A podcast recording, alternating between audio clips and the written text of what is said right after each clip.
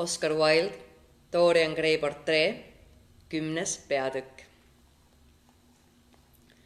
kui teener sisse astus, silmitses Dorian teda teraselt, küsides endast, endalt, kas ta oli mõttesse tulnud silmi taha vaadata või mitte. aga mees oli täiesti ükskõikne ja ootas korraldusi. Dorian süütas sigareti, läks peegli ette ja jäi vaatama. Viktori nägu võis ta seal selgesti näha. see oli rahulik orjamask seal ei paistnud vähematki, mida oleks tarvitsenud karta. siiski pidas ta paremaks ettevaatlik olla. õige pikkamisi seletas ta teenrile, et tal on vaja majapidajaga kokku saada ja et teener peaks veel raamimeistri juurde minema ja paluma tal otse vaid kaks meest kohale saata. talle näis, et toast lahkudes rändas teenri pilk Sirmi poole või oli see ainult tema enda kujutelm? mõne hetke pärast tuhises raamatukogu tuppa Miss Leaf must siidikleit seljas, kortsus käed vanamoelistesse võrkkinnastesse peidetud. Dorian palus koolitoa võtit. vana koolituba, Mr Dorian, hüüdis majapidaja. see on ju tolmu täis, ma pean ta laskma korda seada, enne kui te sinna lähete. praegu ei kõlba teil küll sinna vaadata, söör, mitte mingil tingimusel.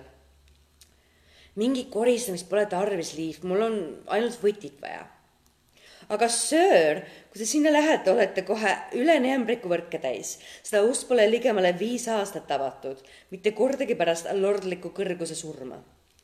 Dorian võpatas, kui kuulis mainitavat vanaisa. tal oli temast tülgastavaid mälestusi. mis sellest, vastas ta.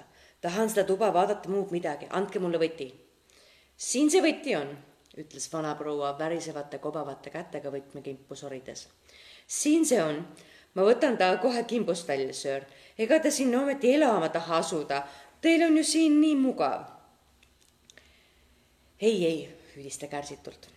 tänan väga, Liiv, see on kõik. vanaproua viivitas veel silmapilgu ja asus ohtrasõnaliselt pajatama mingitest majapidamise üksikasjadest. Dorian ohkas ja käskis tal asju seada, asju ajada nii, nagu ise heaks arvab.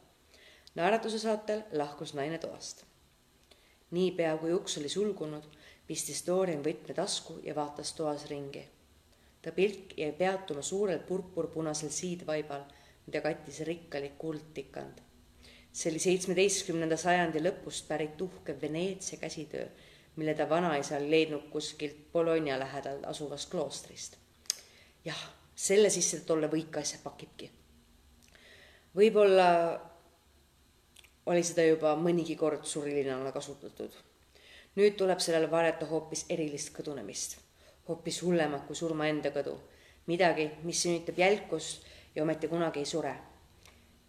mida on ussid laibale, selleks saavad tema patud maalitud kujule lõuendil.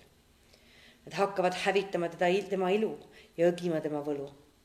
Nad rüvetavad selle ja muudavad häbiväärseks ja ometi elab see edasi, see elab igavesti värin käis tal kehast läbi ja silmapilguks kahetses ta juba, et polnud Basilile nimetanud õiget põhjust, miks ta pilti varjata tahab. Basil oleks tal aidanud vastu panna nii lord Henry mõjule kui neile veelgi mürgisematele mõjuteguritele, mis tulenesid ta enda loomusest. armastuses, mida Basil oma südames tema vastu kandis, sest see oli tõesti armastus, polnud midagi, mis oleks olnud õilis ja vaimne. see polnud ainuüksi kiindumus kehalisse ilusse mis sünnib meeltes ja mis sureb, kui meeled väsivad. see oli armastus, nagu seda oli tundnud Michelangelo, Montaigne, Winkelmann ja Shakespeare ise. jah, Basil oleks võinud ta päästa, kuid nüüd on juba hilja. minevikku võib alati maha kustutada, selle töö teevad ära kahetsus, mahasalgamine ja unustus, kuid tuleviku eest ei ole pääsu. temas peitub kirgi, mis paratamatult leiavad oma kohutava väljapääsutee ja unistusi, mis muudavad oma pahelised varjud tegelikkuseks.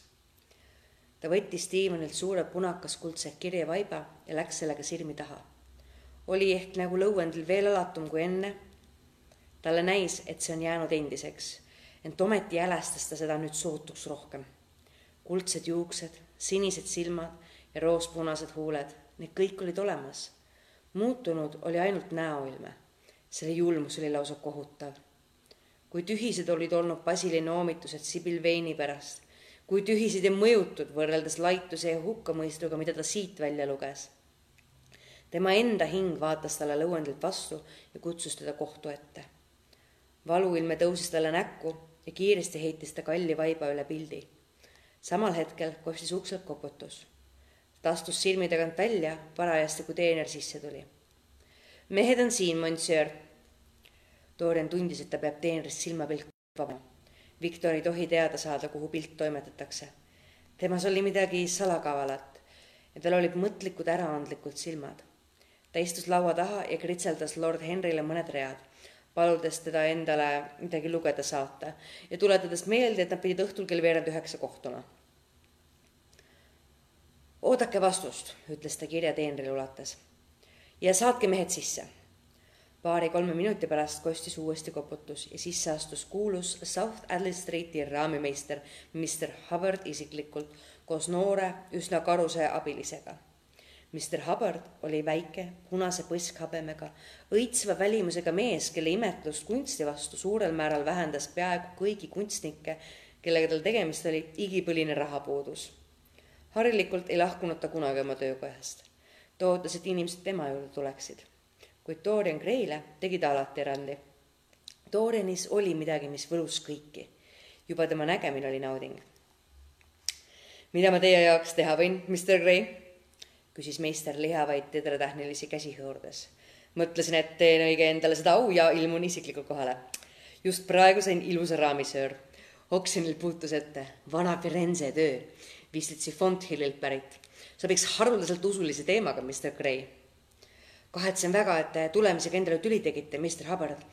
asun tingimata kunagi teie juurde sisse et seda raami vaadata, kuigi ma praegu usulise kunstiga suurt ei tegele. aga täna ma tahan ainult lasta ühe pildi kõige ülemisele korrusele kanda. see on kaunis raske ja ma mõtlesin, et ehk saate mul, saadate mulle paar meest appi. Tüli pole siin mingisugust, Mr Gray. mul on hea meel, kui saan teile kuidagi kasulik olla. kus see kunstiteos siis on, sir? siin, vastas Dorian Gray ja tõmbas silmi kõrvale. kas te jaksate seda niisugusel kujul koos kattega liigutada? ma ei taha, et ta ülesviimisel kriimustada saaks see ei peaks meile mingit raskust valmistama, sir, ütles vastutulelik raamimeister ja asus koos abilisega vabastama pilti pika messingahela küljest, mille otsas see rippus. Ja kuhu me ta siis viime, Mr Gray? ma näitan teile teed, Mr Hubbard, kui te olete nii lahke ja järgnete mulle. või minge parem teie ees. kahjuks on see paik üleval katuse all. Lähme peatrepist, see on laiem. ta hoidis ukse nende ees lahti, laskis nad halli, kust algas üleminek suurejooneliselt töödeldud raam oli pildil väga kogukaks teinud ja vaatamata Mr Hubbardi alandlikele protestiavaldustele, kellel kui tõsiselt, tõsisel ärimehel oli äärmiselt vastumeelt näha džentelmeni midagi kasulikku tegemas, pani Dorian ometi paiguti käe külge, et mehi kandmisel aidata. oli ikka paras kandem küll, söör, lõõtsutas väike mees, kui nad ülemisele trepiplatvormile jõudsid ja ta pühkis oma läikivat otsaisist kahju jah, aga see on tõesti üsna raske, pomises Dorian ust avades, mis pidi nüüd hoidma tema elu kummalist saladust ja varjama tema hinge inimeste silme eest. üle nelja aasta polnud ta jalga siia ruumi toonud, sest saadik, kui ta seda lapsest peast mängutoana ja hiljem veidi vanemaks saades õppetoana oli kasutanud. see oli ilus avar tuba, mille viimane lord Kelso oli lasknud ehitada väikese tütrepoja tarvis, keda ta ise oli alati vihanud poisikese ja ta ema kummalise sarnasuse tõttu ja keda ta ka muudel põhjustel endast eemal hoida oli soovinud. Dorianile näis, nagu oleks tuba ainult õige pisut muutunud. seal oli ilmatu suur, fantastiliselt värvitud paneelide ja tuhmunud kuldsete nikerdustega Itaalia kapp, kuhu ta poisina nii sagedasti oli peitu pugenud. seal seisis ka sametpuust raamatukapp täis eeslikõrvu ja kooliraamatuid selle tagaseinal rippus ikka toosama närune flaami gobelään luitunud kuninga ja kuningannaga, kes aias malet mängisid. kuna salk kuljijäägreid mööda ratsutas, kandes soomuskinder andmel peakotiga linde. kui hästi tal see kõik meeles oli. kõik ta üksildase lapsepõlve hetked tulid siin ringi vaadates meelde. ta mäletas oma poisi ja plekitud puhtust ja talle tundus kohutavana, et selle saatusliku portree just siia peab panema kui vähe oli ta neil ammu surnud päevil mõelnud, mis teda elus ootamas on. kuid kogu majas polnud uudishimulike pilkude eest teist nii kindlat paika kui see. võti on tema käes ja keegi ei pääse siia sisse. purpurpunase surilina all võib lõuendile maalitud nägu muutuda elajalikuks, pandunuks ja roojaseks. mis sellest, keegi ei saa seda näha. ta ise ei näe seda. miks peakski ta jälgima oma hinge inetut roiskumist? tema säilitab oma nooruse, see on kõik. ja pealegi, kas ei või tema loomus siis lõpuks paremaks muutuda? Pole mingit põhjust arvata, et ka tulevik tingimata nii häbiväärne on. võib-olla leiab ta veel eludele armastuse, mis teda puhastab ja kaitseb nende pattude eest, mis näevad end juba praegu ta vaimus ja ihus liigutavat. Nende kummaliste kujuteldamatute pattude eest, millele just nende salapärasus lisab hõrgutavat võlu. võib-olla on ühel heal päeval nende punaste tundeliste huulte julm ilme kadunud ja tal avaneb võimalus Basil Hallwardi meistriteo, meistriteost maailmale näidata. ei see on võimatu. tund tunnilt, nädal nädalalt muutub nägu lõuendil vanemaks. ta võib ju pääseda patuinetusest, aga vanaduse inetus ootab teda ikkagi. põsed muutuvad õõnsaks ja lõdvaks. kollased kanavarbad ronivad ümber kustunud silmade ja muudavad nad jubedateks. juuksed kaotavad oma läike, suu vajub kas lahti või viltu, muutub totakaks või julmaks nagu vanade meeste suud ikka saab temalgi olema kortsunud kael, külmad sinisoonelised käed ja vimmas keha nagu vanaisal, kes tema vastu lapsepõlves nii tõre oli olnud. pilti tuleb varjata, sinna pole midagi parata. palun tooge ta sisse, Mr Hubbard, ütles ta väsinult ümber pöördudes. vabandage, et ma teid nii kaua kinni pidasin, mõtted läksid mujale. Puhkus kulub alati marjaks ära, Mr Curry, vastas raamimeister, kes ikka veel lõõtsutas. kuhu me ta paneme, söör? ah, ükskõik kuhu, siia kõlbab küll. üles riputada pole vaja, pange ta lihtsalt seinalaiale. tänan väga. kas äh, võiks seda kunstiteost näha ka, söör? Dorian võpatas. see ei pakuks teile huvi, Mr Hubbard, ütles ta meest silmas pidades. ta oli valmis talle kallale kargama ja ta maha paiskama, kui mees peaks julgema kergitada toredat eesriiet, mis tema elu saladust varjas. rohkem ma teid seekord ei tülita, tänan teid väga, et te nii lahkesti appi tulite võtke heaks, võtke heaks, Mr Gray. Teie heaks olen alati valmis kõike tegema, sir. ja Mr Hubbard läks raskel sammul trepist alla. tema kanul abiline, kes Doriani poole tagasi vaatas, tahumatul jämedakoelisel näol häbelik imetlus. nii imekaunist inimest polnud ta veel eales näinud. kui nende sammude kaja oli vaibunud, lukustas Dorian ukse ja pistis võtme tasku. nüüd tundis ta end kindlana. seda hirmsat asja ei näe enam mitte keegi peale ta enda ei näe ta häbi ükski võõras silm. raamatukogu tuppa tagasi jõudes märkas ta, et kell oli parajasti viis läbi ja tee juba sisse toodud. rikkalikult pärlmutriga inkrustreeritud tumedast lõhnavast puust lauakesel, mille oli kinkinud ta hooldaja abikaasa Lady Radley, see elukutseline põdeja, kes oli veetnud eelmise talve Kairos. lebas kiri lord Henrylt, ja selle kõrval kollaste, pisut narmendavate paberkantega ja määrdunud servadega raamat. kandikul oli St James'i Gazeti kolmanda väljaande number. täiesti selge, et Viktor oli tagasi jõudnud.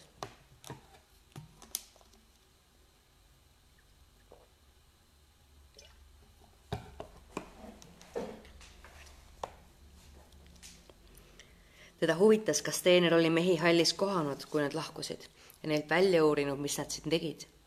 tingimata märkab ta pildi puudumist. oligi teed serveerides juba kahtlemata märganud. silmi polnud tagasi tõstetud ja tühi koht oli seinal näha. võib-olla tabab ta veel ühel ööl teenri trepist üles hiirimas ja ust muukimas. kohutav, kui su enda majas on nuuskur. ta oli kuulnud, kuidas rikastelt inimestelt eluaeg raha välja pressis treener, teener kes oli kas lugenud mingit kirja, pealt kuulanud mõnd kõnelust või kelle kätte oli sattunud kaart mingi aadressiga, närtsinud lill padjalt või kortsunud pitsiriba. ta ohkas, kallas endale teed ja avas lord Henry kirja. selles seisis vaid, et ta saadab talle Õhtulehe ja raamatu, mis teda huvitada võiks ja on kell veerand üheksa klubis. ükskõikselt avas ta lehe ja laskis pilgul sellest üle käia. viiendal leheküljel torkas talle silma punase pliiatsiga tehtud märk see juhtis tähelepanu järgmisele juhtumile. kohtulik juurdlus näitlejana surma puhul. täna hommikul toimetas ringkonnakohtunik Mr Tambi Bell tavernis Hoxton Roadil laibavaatlust noore näitlejanna Sibyl Veini surma puhul, kes viimati töötas Holbornis Royal Theatre'is surma põhjuseks kuulutati õnnetu juhtum. sügavat kaastunnet avaldati kadunu emale, kes oli tunnistust andes ja laiba lahkamist toimetanud doktor Pirreli ekspertiisi kuulates äärmiselt vapustatud. Dorian kortsutas kulmu, kiskus lehe pooleks, läks läbi toa ja viskas tükid minema. kui inetu see kõik on ja kui kohutavalt tegelikuks inetus kõik asjad muudab. Lord Henry ajas tal selle teate saatmisega hinge täis ja artikli punase pliiatsiga ära märkida, oli igal juhul totter tegu. Viktor võis ju seda lugeda. selle tarbeks oskas teener inglise keelt rohkem kui tarvis. võib-olla oligi ta seda lugenud ja hakkab nüüd midagi kahtlustama. aga mis siis sellest lõpuks on? mis on Dorian Gray'l vist tegemist Sibyl Vane'i surmaga? karta pole midagi, ega Dorian Gray pole teda tapnud. ta pilk langes kollasele raamatule, mille lord Henry oli talle saatnud. huvitav, mis see on? Ta läks pärlmutri värvi kaheksanurkse lauakese juurde, mis talle oli alati mingite kummaliste Egiptuse mesilaste hõbekärjena paistnud. ta võttis raamatu pihku, laskus tugitooli ja hakkas lehitsema. mõne minuti pärast süvenes ta lugemisse. see oli kõige veidram raamat, mida ta kunagi oli lugenud. talle näis, nagu liiguksid kogu maailma patud uhkes rõivas ja õrnade flöödihelide saatel ta silme eest tumm näidendis mööda asjad, millest ähmaselt oli unistanud, võtsid äkki kuju. asjad, millest ta polnud kunagi unistanudki, avanesid ta ees samm-sammult. see oli romaan ilma intriigita, ainult ühe tegelasega. õieti oli see lihtsalt psühholoogiline uurimus noorest pariislasest, kes kulutas oma elu, püüdes üheksateistkümnendal sajandil läbi elada kirgesid ja mõtteviise, mida olid harrastanud kõik eelnevad sajandid kuni käesolevani ja selliselt ühendada endas erinevaid hingelaade, mida maailma vaim iganes oli teinud. just nende kunstlikkuse tõttu armastas ta keeldumisi, mida inimesed oma arutuses vooruseks on nimetanud, ja ka loomulikke ülesastumisi, mida targad inimesed ikka veel nimetavad patuks. kõik see oli kirjutatud kummalises lihvitud stiilis, mis on samal ajal elav ja arusaamatu täis argoodi arhaisme, tehnilisi väljendeid ja keerukaid parafraase, stiilis, mis iseloomustab mõnede prantsuse sümbolistide koolkonna parimate kunstnike teoseid. see leidus metafoore, mis olid peletislikud nagu orhideed, ent värvilt niisama hõrgutavad. meelte tegevuse kirjeldamisel kasutati müstilise filosoofia oskussõnu paiguti oli raske mõista, kas lugesid keskaegse pühaku hingepalanguid või kahesaegse patustaja haiglas pihtimust. see oli mürgine raamat. raske viirukisuits näis hõljuvat selle lehekülgede kohal ja erutavat aju. juba paljas lausete rütm, nende muusika kaval monotoonsus, kuigi tulvil keerukaid kordusi ja rafineeritult ikka ja uuesti ette tulevaid käike, mõjutas nooruki meeli nagu mingi unelm või palavikuline viirastus, pannes ta unustama loojuva päeva ja roomavad varjud ta neelas peatükk peatüki järel. pilvitu, üksildasest tähest läbi torgatud taevas helkis vaskrohelisena akende taga. ta luges selle hämara valguse käes, kuni silmad veel vähegi selgitasid, seletasid. lõpuks, kui teener oli tal juba korduvalt hilist aega meelde tuletanud, tõis, tõusis ta ja läks kõrvaltuppa. pani raamatukese pani raamatu väikesele Firenze lauale, mis tal alati voodi kõrval seisis ja hakkas õhtusöögiks ümber riietuma. kell oli juba peaaegu üheksa, kui ta jõudis klubisse, kus lord Henry teda hommikutoas üksinda ja nähtavasti suures tüdimuses ootas. palun vabandust, Harry, hüüdis noormees, aga see oli täielikult teie enda süü. Teie saadetud raamat võlus mind sedavõrd, et ma ei märganudki, kuidas aeg lendas. jah, ma arvasin kohe, et see peaks teile meeldima vastas ta võõrustaja püsti tõuses. ma pole öelnud, et see mulle meeldib, Harry, ütlesin, et see võlub mind, seal on suur vahe. ah nii, et te olete siis selle juba avastanud, lausus lord Henry ja nad läksid söögisaali.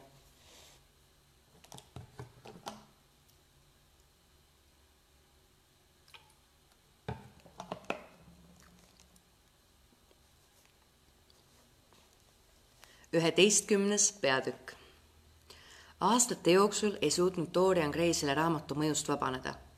aga võib-olla oleks õigem öelda, et ta ei püüdnudki sellest vabaneda. ta muretses endale Pariisis tervelt üheksa esimese väljaande suure kaustalist eksemplari ja laskis erinevates värvides ära köita, nii et need sobiksid ta muutuvate meeleolude ja loomuse ootamatute tujudega, mille üle tal ajuti nagu enam mingit võimu polnud. kangelane see imetlusväärne noor pariislane, kelles romantilised ja teaduslikud kalduvused nii kummaliselt ühte olid sulanud, muutus talle tema enda prototüübiks. ja tõepoolest, kogu raamat näis olevat tema enda elulugu, mis oli kirjutatud enne, kui tema seda läbi elas. ühes asjas oli ta õnnelikum kui romaani fantastiline tegelane. tema polnud kunagi tundnud, tal polnud ju iial mingit põhjust tunda seda teatud määral määral groteskset hirmu peeglite, läikivate metallpindade ja vaikse vee ees, mis vaevas noort pariislast juba õige noores eas ja mida põhjustas kunagi silmapaistva ilu ootamatu häving. võib-olla on enam-vähem igas rõõmus, nagu kindlasti igas naudinguski, oma osa julmusel. ja see oli peaaegu julm rõõm, millega ta luges raamatu viimast jagu pisut ülepakutud, kui tegelikult traagilist jutustust inimese valust ja meeleheitest, kes oli ise kaotanud selle, mida ta teiste juures ja üldse kogu maailmas kõige kõrgemalt hindas. sest see erakordne ilu, mis oli võlunud Basil Hallwardi ja peale tema veel paljusid teisigi, ei paistnud teda kunagi maha jätvat. isegi need, kes olid temast kõige nurjatumaid lugusid kuulnud, sest aeg-ajalt liikusid ta eluviiside kohta Londonis imelikud kuuldu, kuulujutud, mis andsid klubides kõneainet isegi need ei suutnud temast midagi alatut uskuda. niipea, kui nad teda ennast nägid, alati nägi ta välja nagu inimene, kes on end maailma rüvetustest puhtana hoidnud. inetud jutud vaikisid niipea, kui Dorian Gray tuppa astus. tema näo puhtuses oli midagi, mis neid talitses. ainuüksi ta juuresolek näis inimestele meelde tuletavat süütust, mille nad rüvetanud olid. Nad imestasid, kuidas küll tema taoline võluv ja meeldiv olend oli suutnud vältida räpase ja ihara ajastu häbimärki.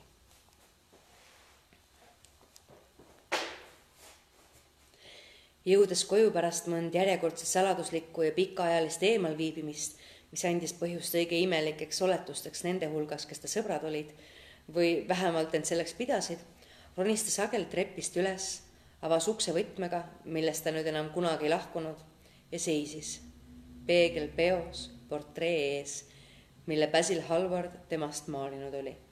vaadeldes vaheldumise seda vastikut vananevat nägu lõuendil ja ilusat noort nägu, mis talle lihvitult klaasilt vastu naeris.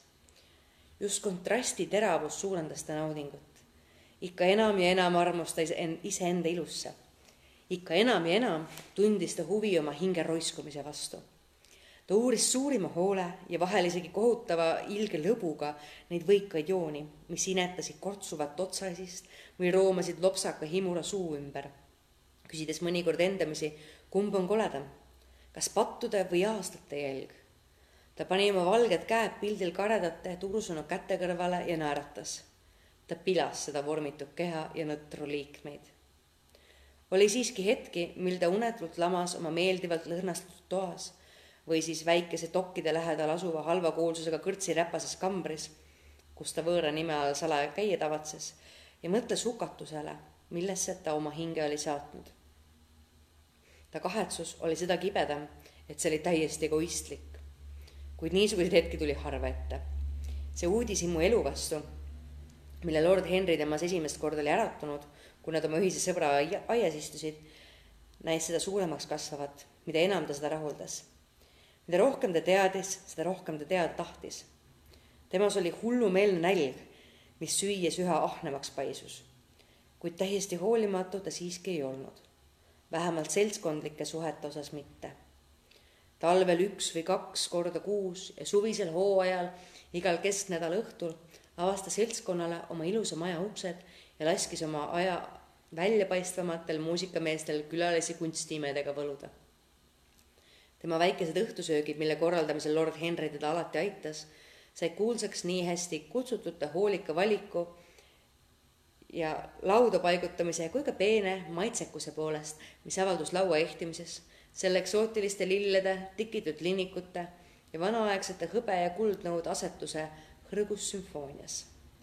tegelikult oli rohkesti neid, eriti just väga noori mehi, kes nägid või arvasid Dorian Gray's nägevat teatud tüübi kehastust, milles nad Etoni ja Oxfordi päevil olid unistanud ja mis pidi mingil määral ühendama õpetlase tõelist kultuuri maailmakodaniku meeldivuse, õilsuse ja peente maneeridega. imetlejate meelest oli ta üks neid, kes Dante kirjandust mööda püüavad täiuslikkusele ilu kummardamise kaudu. nagu Gantier kuulus temagi nende hulka, kelle jaoks eksisteerib nähtav maailm. Ja kindlasti oli elu ise talle esimene ja suurim kunstide seast, millele kõik teised kunstid näisid vaid ettevalmistuseks olevat. moel, mille läbi tõeliselt fantastiline korraks üldiseks muutub. samuti nagu keegarlikkusel, mis on lihtsalt püüd saavutada ilu absoluutset modernsust. oli tema jaoks muidugi omajagu külgetõmbavast. tema riietus ja erilised stiilid, mida ta aeg-ajalt harrastas, mõjustasid suuresti noori keigareid Mayfairi pallidel ja Paul Marley klubides Nad jäljendasid teda kõiges, mida ta tegi ja püüdsid matkida tema veetlevate narruste hooletut põlu, mida ta isi, mida ta ise päris tõsiselt ei võtnud. sest kuigi ta oli kõigest südamest valmis asuma positsioonile, mida talle täisea, mille, mida talle ta täisealiseks saamisel peaaegu otsekohe pakuti, ja kuigi talle valmistas kõditavat naudingut mõte, et tema võiks uueaegse Londoni jaoks olla sedasama, mida satiirikoni autor kunagi Nero-aegse keiserliku Rooma jaoks oli olnud, kandis ta siiski sügaval hingepõhjas soovi olla midagi enamat kui lihtsalt arbiter elegantiarum, kellelt küsitakse nõu, kuidas kanda kalliskive, siduda kaelasidet või hoida keppi. ta püüdis välja töötada uut eluskeemi, millel oleks oma põhjendatud filosoofia ja korrastatud põhimõtted ja saavutada selle ülim teostus meelte hingestumise kaudu. meelte kummardamist on sageli hukka mõistetud ja seda täiesti õigustatult, sest inimesed tunnevad loomu pärast hirmu kirgede ja elamuste ees, mis näivad olevat tugevamad kui nad ise ja mida nad aimavad jagavat madalamalt organiseeritud eluvormidega. kuid Dorian Gray'le tundus, et meelte tegelikku olemust pole iial õigesti mõistetud ja et need on jäänud metsikuks ja loomalikuks ainult sellepärast, et maailm on neid näljutamisega alistama sundunud, alistuma sundinud või surnuks piinanud selle asemel, et neid muuta uue vaimsuse koostisosadeks, mille valitsevaks tunnuseks oleks õilis iluinstinkt. meenutades inimese teekonda läbi ajaloo, valdas teda kahetsus raisatud võimaluste pärast. nii paljust oli kergel käel loobutud ja nii tühjade asja pärast. Oli olnud hullumeelset vabatahtlikku keeldumust, kohutavaid enesepiinamise ja enesealgamise vorme, mille algpõhjuseks osutus hirm ja mille tagajärjeks oli kaugelt kohutavam langus kui see kujut-, kujutletav langus, millest inimesed oma teadmatuses olid püüdnud pääseteed leida. loodus oma imelises iroonias kihutas ük-, üksiklase koos kõrbeloomadega toitu otsima ja andis metsloomad erakule kaaslasteks. jah, mõtles Dorian, peab saabuma uus hedonism, nagu lord Henry oli ennustanud. see peab elu uueks looma ja vabastama ta karbist tarmet, karmist tarbetust puritaanlusest mille veidrat taassündi just meie enda kaasajal näha võib. muidugi peab see olema, muidugi peab see seisma intellekti teenistuses, kuid ei tohi iial leppida teooria või süsteemiga, mis toob endaga kaasa loobumise mis tahes laadi kirekogemusest. Hedonismi eesmärgiks peab tegelikult olema kogemus ise ja mitte kogemuse viljad, olgu nad siis magusad või kibedad.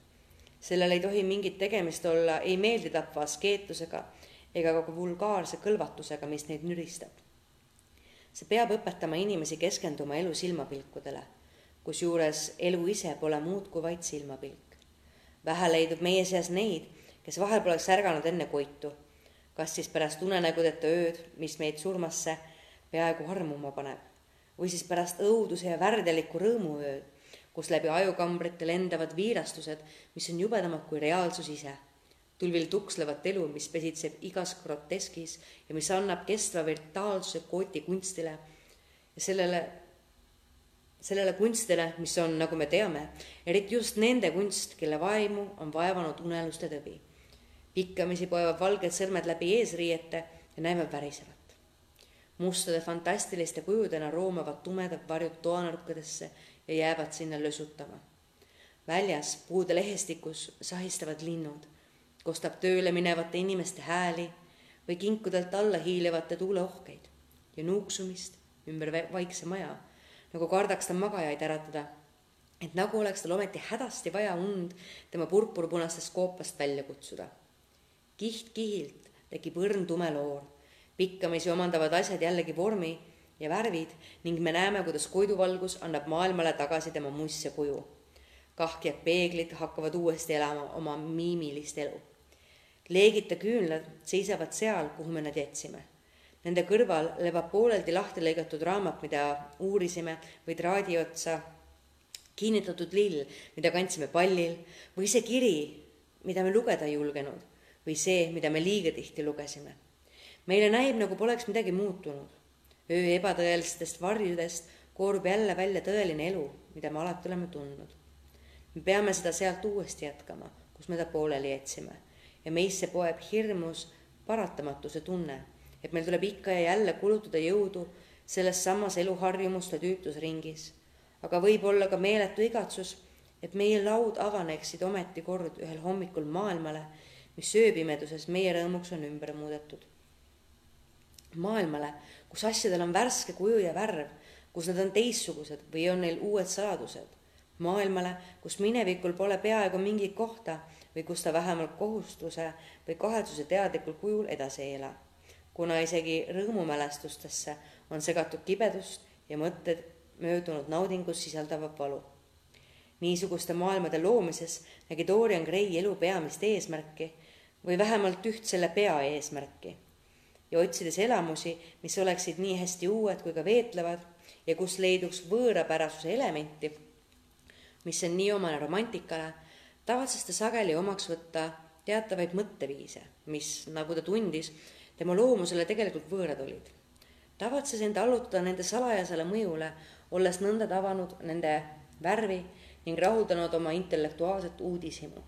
jättis nad sinnapaika selle imeliku ükskõiksusega, mis pole mitte vastuolus tõsiselt tulise temperamendiga, vaid mõnede tänapäeva psühholoogide arvates sageli tingib seda.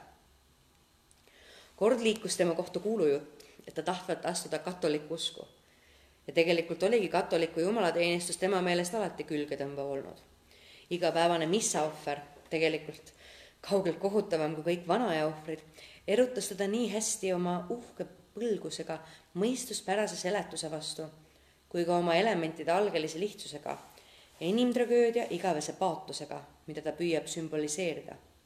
ta armastas põlvitada külmal marmorpõrandal ja jälgida jäigas lillelises missakuues preestrit, kes pikkamisi ja harde liigutusega eemaldas loori tabernaaklilt või tist-, või tõstis kõrgele kalliskividega ehitud laternataolise monstrantsi valk ja armuleivaga, mida inimene on aeg-ajalt meeleldi valmis pidama panis koelestiseks, inglite leivaks. talle meeldis jälgida, kuidas preester Kristuse kannatamispäevade röös hostja karikasse murdis ning oma pattude pärast endale vastu rinda lõi ebamaiselt veetlevad olid tema meelest ka suitsevad viirukipannid, mida nagu suuri kullatud lilli hõljutasid pitsidega ehitud punastes kuubedes tõsised poisid. kirikust välja minnes heitis ta uudistava pilgu mustadele pihikambritele, nagu ta oleks tahtnud nende tumedasse varju istuda, kuulata mehi ja naisi sosistamas läbi kulunud võre oma elu tõelist lugu kuid mitte kunagi ei teinud ta seda viga, et oleks hakanud oma vaimset arengut mingi usu või õppesüsteemi formaalse omaksvõtmisega tõkestama. või ennatult valinud alaliseks eluasemeks võõraste maja, mis pakub kohas tulualust ainult üheks ööks või paariks tunniks öö jooksul. Kui taevas pole ainukestki tähte ja kuu on loomata. mõneks ajaks köitis teda müstitsism, oma imelise võimega tänapäevaseid asju tavatuks muuta ja teravmeelne antinomianism, mis sellega alati kaasas neis käivad. üheks hooajaks kaldus ta saksa tarvinismuse liikumise materialistliku õpetuse poole ja tundis kummalist lõbu inimese mõtete ja kirgede tagasiviimises pärljate ajurakkude või valgetele erkudele inimkehas. laskis ennast kanda kiskuda, kaasa kiskuda arvamusest, et vaim on absoluutses sõltuvuses teatud füüsilisest seisundist, kas siis haiglasest või tervest, normaalsest või tõbisest. aga ometi, nagu juba eespool täheldatud, polnud ühelgi eluteoorial elu endaga võrreldes tema jaoks vähimatki tähtsust. Ta oli teravalt teadlik, kui viljatu on igasugune intellektuaalne spekulatsioon, mis on eraldatud tegevusest ja katsest. ta teadis, et meeltel, mitte vähem kui hingel, on oma vaimseid seni avastamata müsteeriume. ja nõnda uuris ta nüüd lõhnaaineid ja nende valmistamise saladusi destilleeris tugevalt lõhnavaid õlisid ja põletas aromaatseid hommikumaa vaike. ta mõistis, et pole hingelist seisundit, millel puuduks vaste meeltetegevuses ja ta hakkas otsima nende õiget suhet, küsides, mis see küll viiruke suitsus on, mis teeb inimese müstiliseks ambralõhnas, et see kirgi erutab. kannikeses, et see äratab mälestuse kustunud armust. muskuses, et see ajab mõistuse segi. Tšampakis, et see rüvetab fantaasiat ta tegi korduvalt katset välja töötada lõhnade tõelist psühholoogiat ja hinnata magusalõhnaliste juurte uimastava tolmuga lillede, aromaatlõhnaliste juurte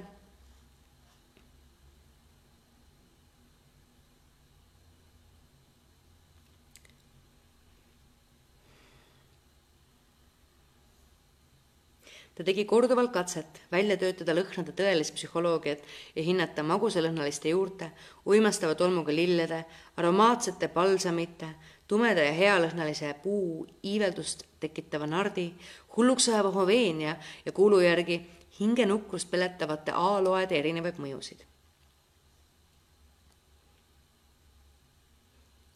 Teinekord jälle pühendus ta täielikult muusikale ja korraldas pikas võrestikuga ehitud punakuldses lae ja oliivroheliseks lakitud seintega ruumis veidraid kontserte, kus pöörased, kus pöörased mustlased oma tillukestel tsitritel metsikut muusikat tegid. tõsised kollastest punnustest tuneeslased oma määratute lautade pingoli tõmmatud keeli planitasid, kuna irvitavad neegrid monotoonselt oma vasttumme tragusid ja saledad turbanitega hindud punastel mattidel kükitades pikki roost või messingist vilesid puhusid ja võlusid või teesklesid võluvad suuri peakotiga madusid ja kohutavaid sarvnästikuid.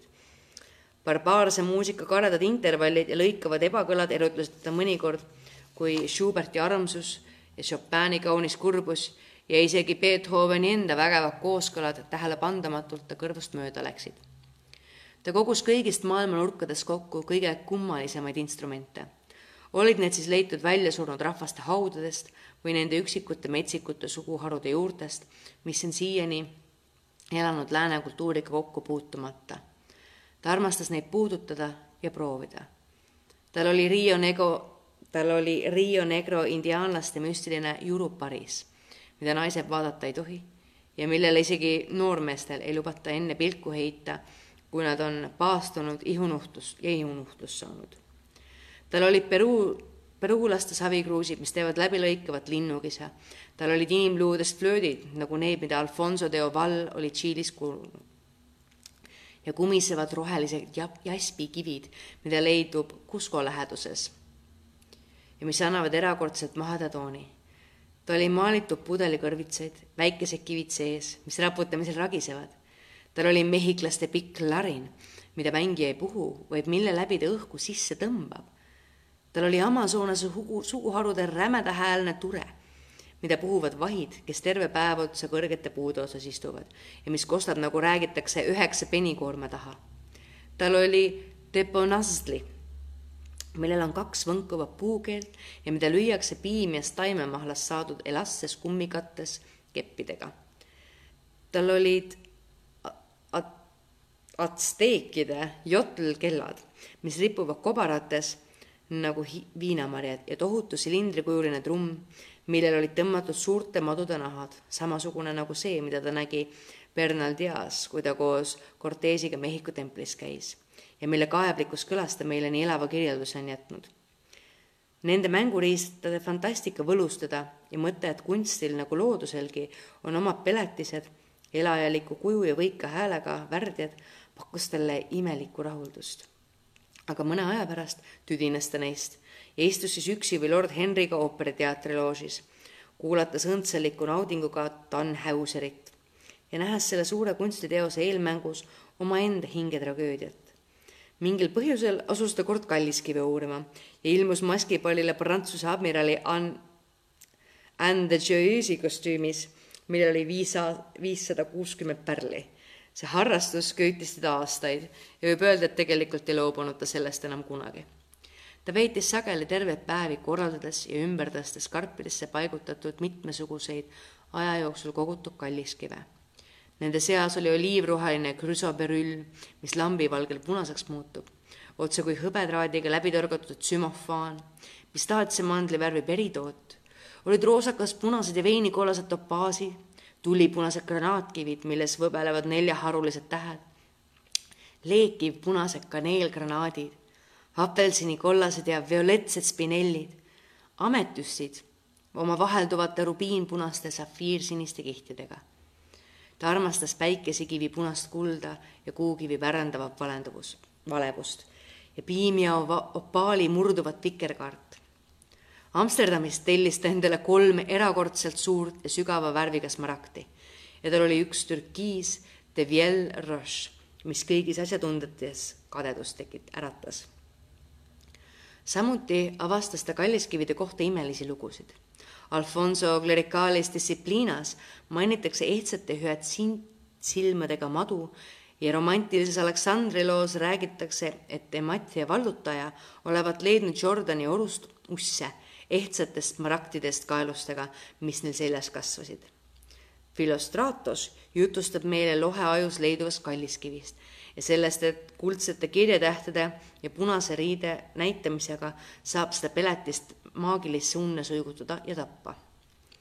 nagu suur alkeemik Pierre de Boniface teab, teatab, teinud teemat inimese nähtamatuks ja India haat andnud talle kõneosavuse.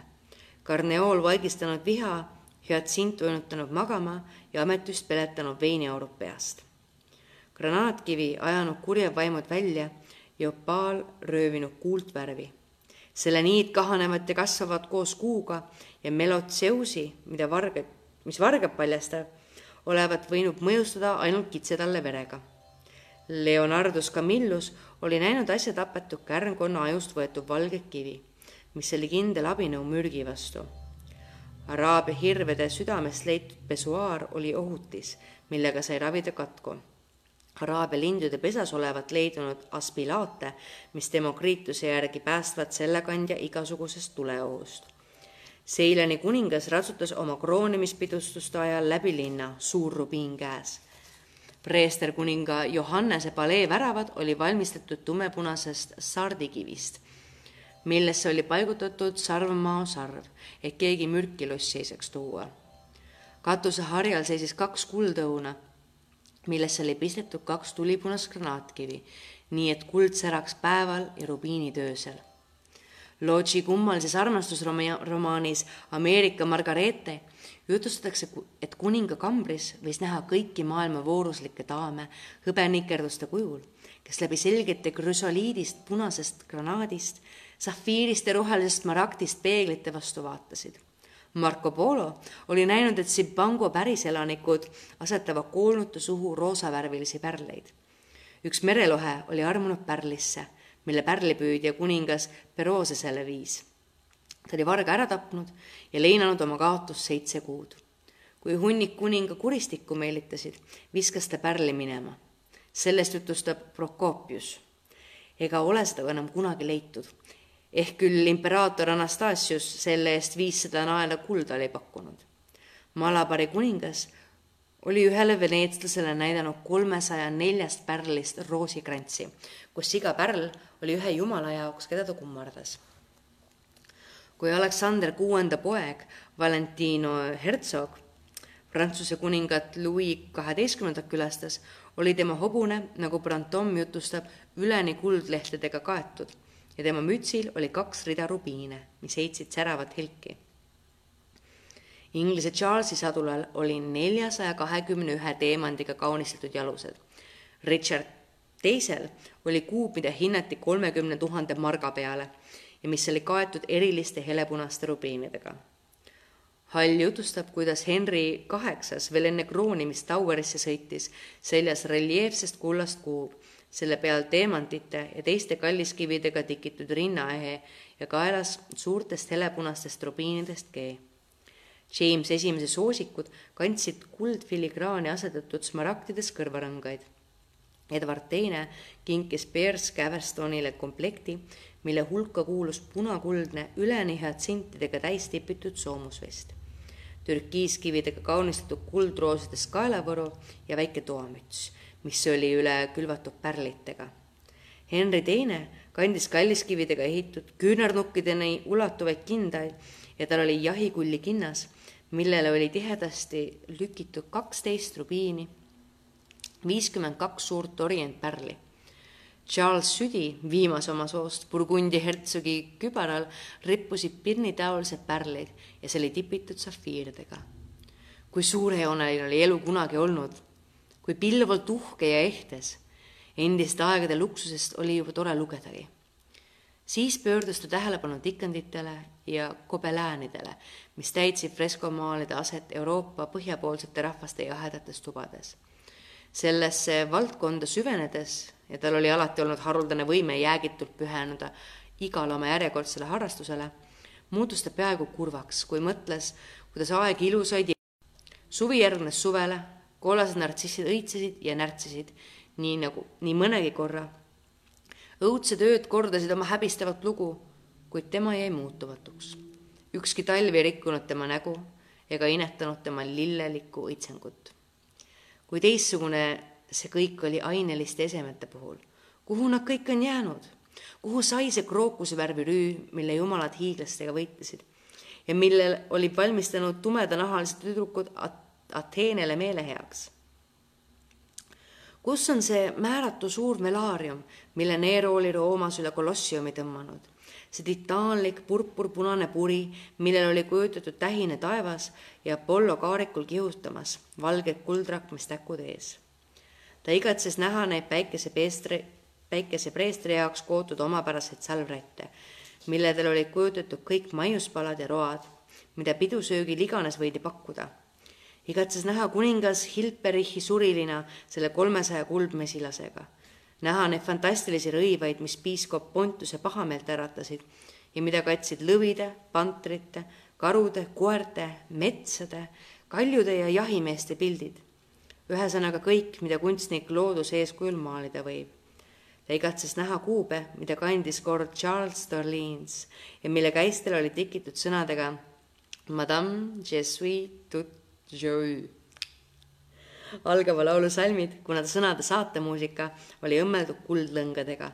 igas noodis, mis tol ajal olid nelinurksed, neli pärli. ta luges Reimsi palees Burgundia kuninganna Gianni jaoks sisse seatud toast tuhande kolmesaja ja kahekümne ühe tikitud papagoiga, mis kandsid kuninga vappi ja viiesaja kuuekümne ühe liblikaga, kelle tiivad samalaadselt olid kaunistatud kuninganna vapiga ja see kõik oli teostatud kullas. Katariina Medici laskis endale valmistada mustast sametist leinavoodi, mis oli poolkuude ja päikestega üle külvatud. sängi eesriided olid damastist mille kuld ja hõbepõhjale olid kujundatud lehtedest pärjad ja vanikud. Nende servi kaunistasid pärltikandid ja säng ise seisis toas, mille hõbekangaga üle tõmmatud seinad olid dekoreeritud mustast sämetist kuninglike vapimärkidega. Louis neljateistkümnenda eluruumides olid viieteistkümne jala kõrguse kullaga töödeldud karüatiidid. Poola kuninga Sobieleski ehitusvoodil olid Smürna kuldbrokaadist eesriided millele türkiisidega olid tikitud salmid Koraanist. Selle üle kullatud hõbedad sambad olid kaunilt nikerdatud ja neid ihtisid rohked kalliskivistatud em emailmedaljonid. see oli kaasa toodud türklaste sõjalaagrist Viini alt ja baldahiini kullasära all oli seisnud Muhamedi lipp. nõnda püüdis Dorian terve aasta koguda kõige haruldasemaid kangaid ja tikandeid, hankis uhkeid teelimusliine peenelt sisse kootud palmiokstega mis olid üleni tipitud veiklevate putukatiibadega, takaloore, mida tuntakse idamaadel nende läbipaistvuse tõttu, kui kootud õhku, voolavat vett ja õhtukastet. imelikude kujunditega Java kangaid, kalleid kollaseid Hiina eesriideid, kollakas pruuni atlassi või helesinisesse siidi köidetud raamatuid, sisse kootud kuninglike liiljate, lindude ja piltidega. Ungari nõelapitsist loore, Sitsiilia brokaate ja raskeid Hispaania sameteid, Gruusia kuldritritega käsitöid ja Jaapani kuldroheliselt helkivaid siitikandeid uhkes sulestikus lindudega nagu ta üldse tundis huvi kõige vastu, mis oli ühenduses jumalateenistusega, nii oli tal ka eriline kirg vaimulike riiete vastu. pikkadesse seedripuust kastidesse, mis ta ridamisi, mis ridamisi ta maja läänegaleriis seisid, oli kogutud rohkesti haruldasi ja ilusaid näidiseid sellest, mida endast tegelikult kujutab Kristuse mõrs ja rüü, kes peab kandma purpurit, kalliskive ja peenikest linast, et varjata oma kahvatut ja paastumisest lahjunud ihu mis on kurnatud ta enda poolt otsitud kannatustest ja veristatud iseenda löödud haavadest. tal oli tore sügavpunasest siidist ja kuldkoelisest damastist preestrirüü. seda kaunistas kuuelehelistesse stiliseeritud õitesse paigutatud kuldne granaatõuntest muster, mis vaheldus peenikestest pärlitest lükitud ananassi kujutistega. Rüü kuldpõll oli jagatud ruutudesse, igas ruudus mingi stseen Neitsi-Maarja elust, kuna tema kroonimine oli värviliste siidlõngadega mütsile tekitud. see oli Itaalia käsitöö viieteistkümnendast sajandist. teine preestrirüü oli rohelisest sametist tikitud südamekujuliste akantuse lehekobaratega, millest tõusis pikavarrelisi peenelt hõbelõngade ja värviliste kristallidega välja töötatud valgeid õisi. Vandlaks oli kuldses kõrgireljeefis seeravi pea. põll oli punase ja kuldse siidiga ruutu kootud ja tähitatud paljude pühakute ja märtrite medaljonidega, kelle hulgas oli ka püha Sebastianus. tal olid missarüüsid ambravärvilisest siidist, sinisest siidist ja kuldbrokaadist, kollasest siitamastist ja kuldkangast, millesse oli tikitud Kristuse kannatamine ja ristilöömine, samuti lõvisid, paabulinde ja teisi mõistukujusid, dalmaatikaid valgest atlassist ja helepunasest siitamastist mida ehtisid tulbid, delfiinid ja fleur de lue. tumepunasest sametist ja sinisest linasest riidest altarivaipu, hulk armulaualinu, armulaua karikaloore ja Kristuse higirette. müstilistes rituaalides, kus niisuguseid asju kasutati, peitus midagi, mis tema fantaasiat erutas. Sest need varandused ja üldse kõik nad oma ilusasse majja kogus olid selleks, et aidata tal leida unustust, olid vahendiks, mis teda mõneks ajaks päästis vahel lausa talumatuks paisuvast hirmust. üksikus lukustatud toas, kus ta nii suure osa oma lapsepõlvest mööda oli saatnud, ripustas ta oma käega seinale selle hirmsa portree, mille muutuvad jooned näitasid talle tema elu tegelikku allakäiku ja mille ette ta oli varjus riputanud kuldpunase suriline. Vahel ei käinud ta seal mitu nädalat, unustas selle vastiku maalitud lõuendi ja seisis endise muretuse oma võrratu rõõmsameelsuse ja võime kirglikult süveneda lihtsalt iseenda olemasolusse. siis aga hiilis ta äkki ühel ööl majast välja, läks Blue Great Fieldsi läheduses asuvaisse jubedate surgudesse ja jäi sinna mitmeks päevaks, kuni ta minema aeti